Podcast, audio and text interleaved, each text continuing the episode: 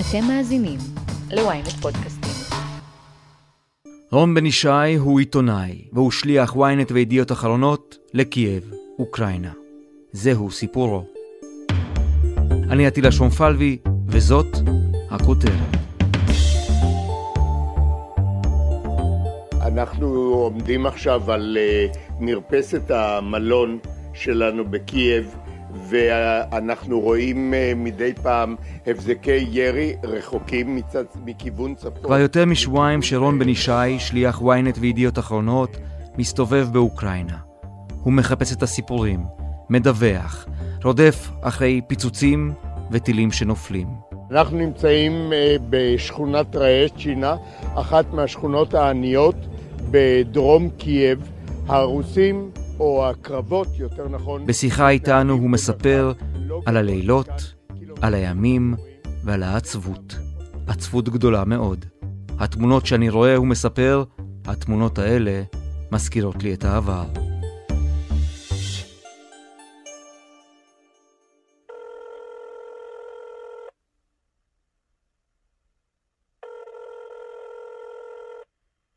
היי רון.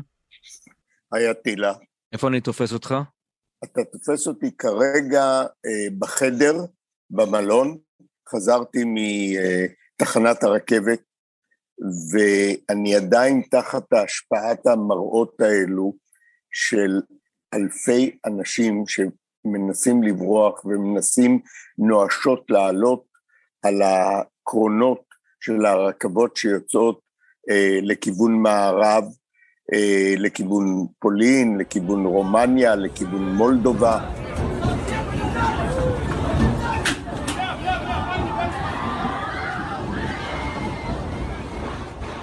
וזה ממש שובר את הלב. נסעתי ברכבת התחתית עם הפליטים האלו, ועליתי איתם במסוע למעלה, ליציאה מהתחנת מטרו שהובילה לתחנת רכבת. וראיתי לפניי שני ילדים עם תרמילי גב עצומים עמוסים על הכתפיים שלהם, והאימא שלהם עם מטפחת, הם היו אליי עם הגב, גם כן עמוסה בתרמיל, וזה פשוט היה מראה קורע לב. מה, זה סוג הדברים שמפרקים אותך, אה? כן.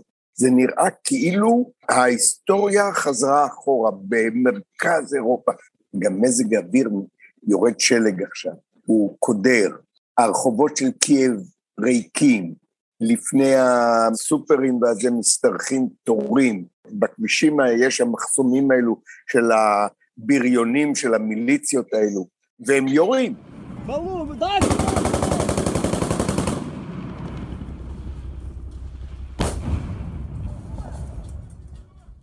למרבה המזל הם יורים באוויר, אבל הם יורים גם במכוניות. על יד הרבה מהמחסומים אתה רואה מכוניות מקובות כדורים, או הפוכות, או התנגשו אחת בשנייה, או שהזגוגיות שלהם מנופצות, ואתה מבין שמישהו פה דיבר לא נכון למיליציונר במחסום וחטף.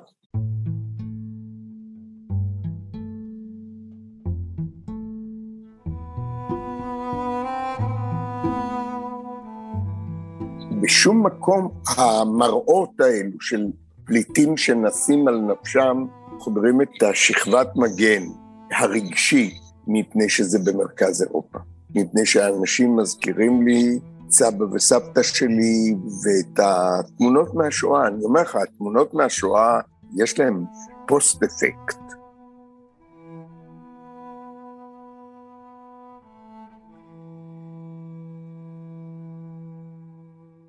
אולי אני מגזים, אני, אני מרגיש שאני קצת מגזים, אבל כן, אני, אני הרגשתי עצב אמיתי, עצב אמיתי. בכלל, לראות אנשים בחרדה כזאת, הם חרדים. היום התפרסמו כל הפרסומים האלו, שהם אה, הולכים להפציץ את קייב, ושטור של 60 קילומטר הולך להיכנס לקייב, הוא לא ייכנס, הוא יכתר אותה, אבל לא חשוב. ואז באו התמונות מהרקטה שפגעה בחצר של בניין הממשל בחרקוב, ולראות אנשים בחרדה אמיתית, המונית, זה מראה קשה, קשה. אתה יודע, אני, אני חושב על התמונות מהספר שלך, אחד הספרים, כי יש לך כמה, אבל אחד הספרים שבהם אתה מתאר את המסעות שלך בכל מיני מקומות, בכל מיני נקודות בעולם, סתם דוגמה, אני פתאום נזכר ביוגוסלביה, סרביה, סרייבו, בוסניה וכל הסיפורים האלה. גם שם היו פליטים, וגם שם התוודענו, אתה בוודאי, לזוועות איומות. כאילו שם צלפו באנשים ברחובות, שם הכניסו אותם למחנות אה, ריכוז, ואתה אומר שזה יותר חזק משם? לא, אני, אני לא אומר שזה יותר חזק, זה שונה. שם זה היו מראות מדממים. שם נהרגו אנשים אה, לנגד עינינו, זאת אומרת, הם לא רק היו פליטים, למשל בסרייבו, כן? פליטים ברחו, צלפו בהם, הם חיפשו מחסה. פה אנשים, אתה רואה, נואשים להימלט מפה, רק לא להיות כאן. והאמת היא שגם בסרייבו זה, זה נגע, נגע לליבי. לא רק נגע לליבי, זה היה, זה היה נורא ואיום. פה זה לא נורא ואיום, פה זה מעציב, מעציב נורא.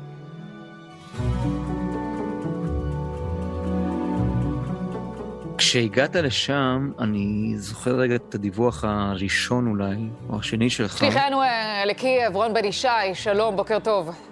בוקר טוב לך.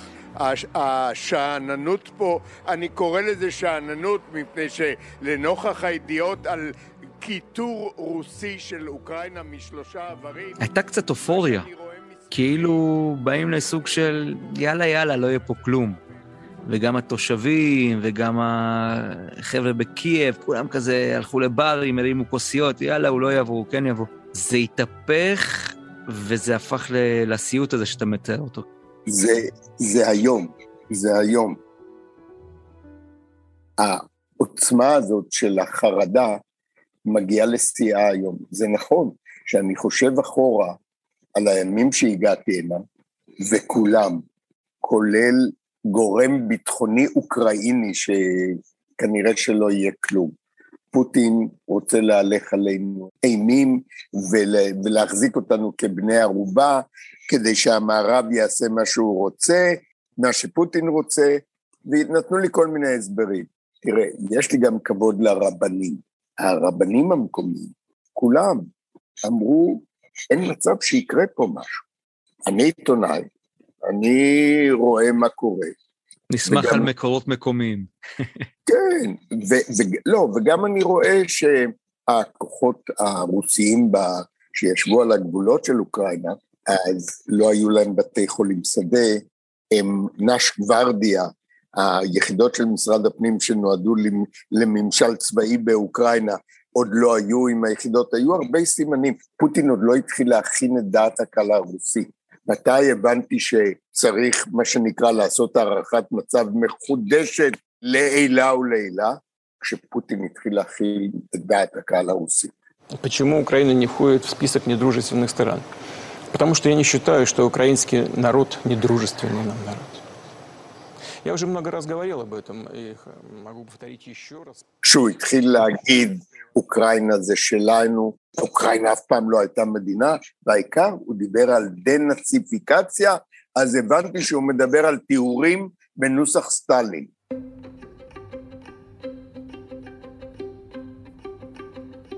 אתה מפתח רגשות למושא הסיקור במלחמות?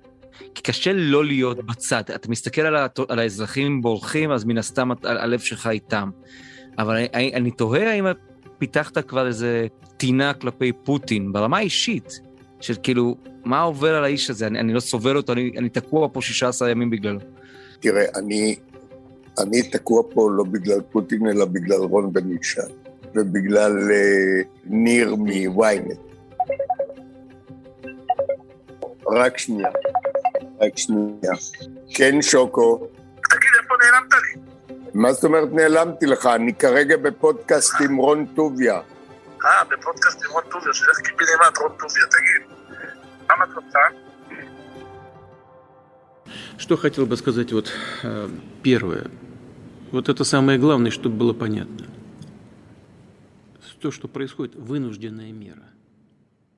תראה, אני הכרתי את פוטין, היו לי כמה הזדמנויות להיפגש איתו אישית, והאיש הפתיע אותי, והאמת, אני לא שונא אותו, אבל אני חושב שהוא פושע.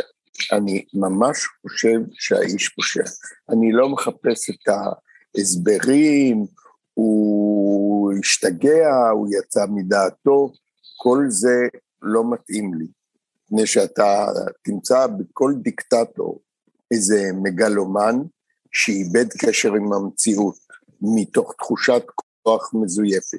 וכנראה שזה גם קרה לפוטין, ולפוטין גם כנראה הוא מוקף אנשים שמנתקים אותו מהסביבה, אחרת הוא היה, אתה יודע, ברחובות שם, הוא שלח ליישובים הקטנים שאליהם הוא כן נכנס בכוונה ג'יפים. כמו שצה"ל אה, יוצא לבלום ההפגנות ברמאללה ובחברון עם אה, כדורי גומי ועם אה, גז מדמיע, ופתאום הוא, הוא נדהם כשהוא נתקל בזה שעומדים אפילו לא הצבא האוקראיני, אלא מיליציונרים אוקראינים, ויורים על הג'יפים שלו RPG. זה לא נערים שזורקים אבנים. What you can see on that live stream video, Don, is you can see several tanks and armored vehicles cross the border, um, uh, really uh, uh, uh through a, a large amount of time, for at least a minute or a minute. רון, תגיד, התמונות האלה של 60 קילומטר טנקים משוריינים ומשאיות, זה, זה מפחיד גם אותך קצת? אתה כאילו, יש לך זמן לחשוב על מה, מה יכול לקרות? תראה, זה לא מפחיד אותי. אני יודע מה הם הולכים לעשות. אם הייתי חושב שהם הטור הזה הולך להיכנס למרכז קייב שבו אני נמצא ולירות בתותחי טנקים על המלון שנמצא, גם אז אני ארד למקלט ויש לי סיכויים לשרוד. אבל אז הייתי באמת קצת מפחד. כרגע אני לא מפחד, אני יודע שהם הולכים לכתר את העיר, ואני יודע שהם יפציצו סמלי שלטון, כמו שאנחנו עושים בעזה לפעמים, הבנייני עוצם האלו הגדולים, שאנחנו מפציצים כדי להוריד את המורל של האוכלוסייה, והם הולכים לעשות את זה. הם התחילו כבר, התרגול על מודל הוא בחרקים כרגע, והם הולכים לעשות את זה פה, זה יהיו שני הדברים.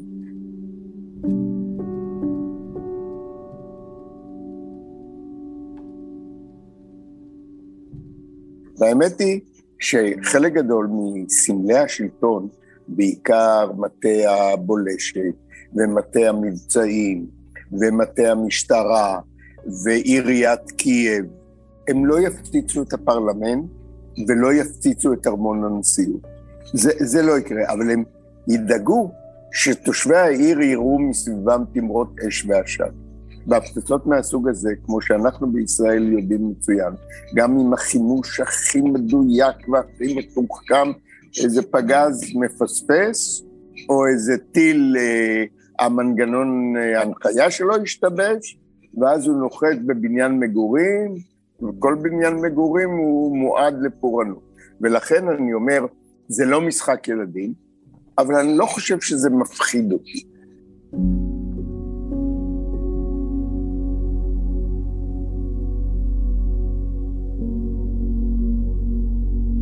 אהרון, נדמה לי שפינינו את הצלם שלנו שהיה איתך מתחילת האירועים, ואתה עכשיו מסתובב עכשיו בעצם כמעט לבד, לא? אתה, אתה, עם מי אתה?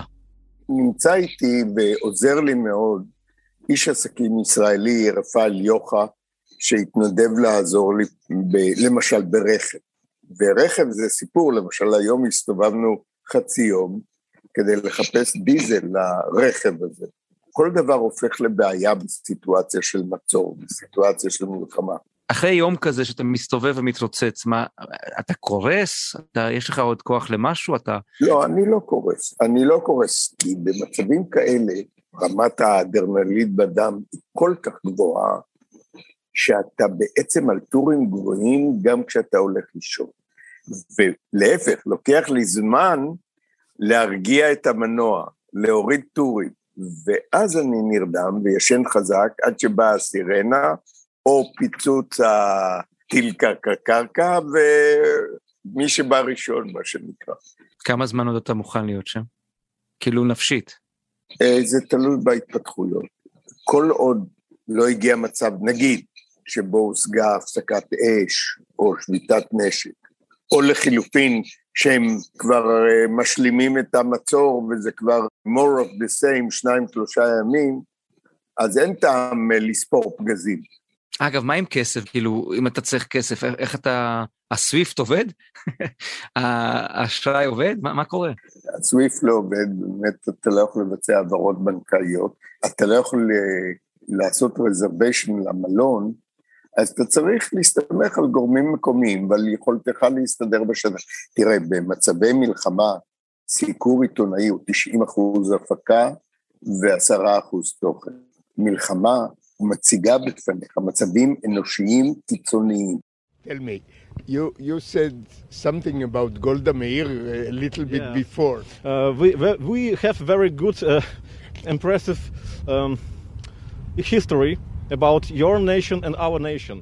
אתה מראיין בן אדם שעומד במחסום, הם בונים מחסום, הם ממלאים שקי חול, ועם מריצה סוחבים את השקי חול ובונים מזה עמדה, ואתה אה, מדבר עם אחד שתלוי לו רובה ציד על I, הכתף, yes, we're afraid. Of course, it's normally. Because everybody is afraid if you're sleeping in your house and one moment rocket attacked your city, your district, maybe your street, and or maybe your house or car, and it's a big problem. Of course, we're not prepared. ואתה שואל אותו, מה אתה עושה? אז הוא אומר, אני במאי תיאטרון. ומה המחזה האחרון שביימת? אז הוא אומר, The Class, הכיתה. על מה זה המחזה? על uh, היהודים שנשרפו באסם במלחמת העולם השנייה על ידי המקומיים. ואתה, הוא אומר לי, אתה מישראל, אתה יודע, אני את ההשוואה הזאת לא אהבתי במיוחד מפי אוקראיני, שיש להם היסטוריה עקובה מדם של יהודים. ומאחורי החזות הזאת, הפטריוטית, אני נזכר בחמלניצקי, ובעוד אה, דוגמאות לא סימפטיות בהיסטוריה של אוקראינה, כולל בבי יאר.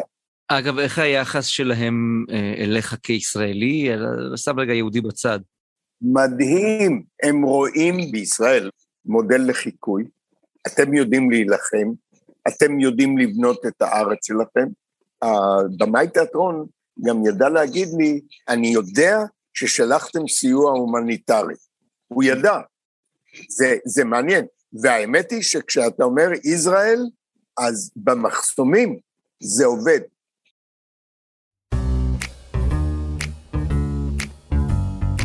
הרי עוצרים אותנו כל פעם, והם משוכנעים שאנחנו צוות של הספצנאץ שהולך לפוצץ את אה, ארמון של זלנסקי.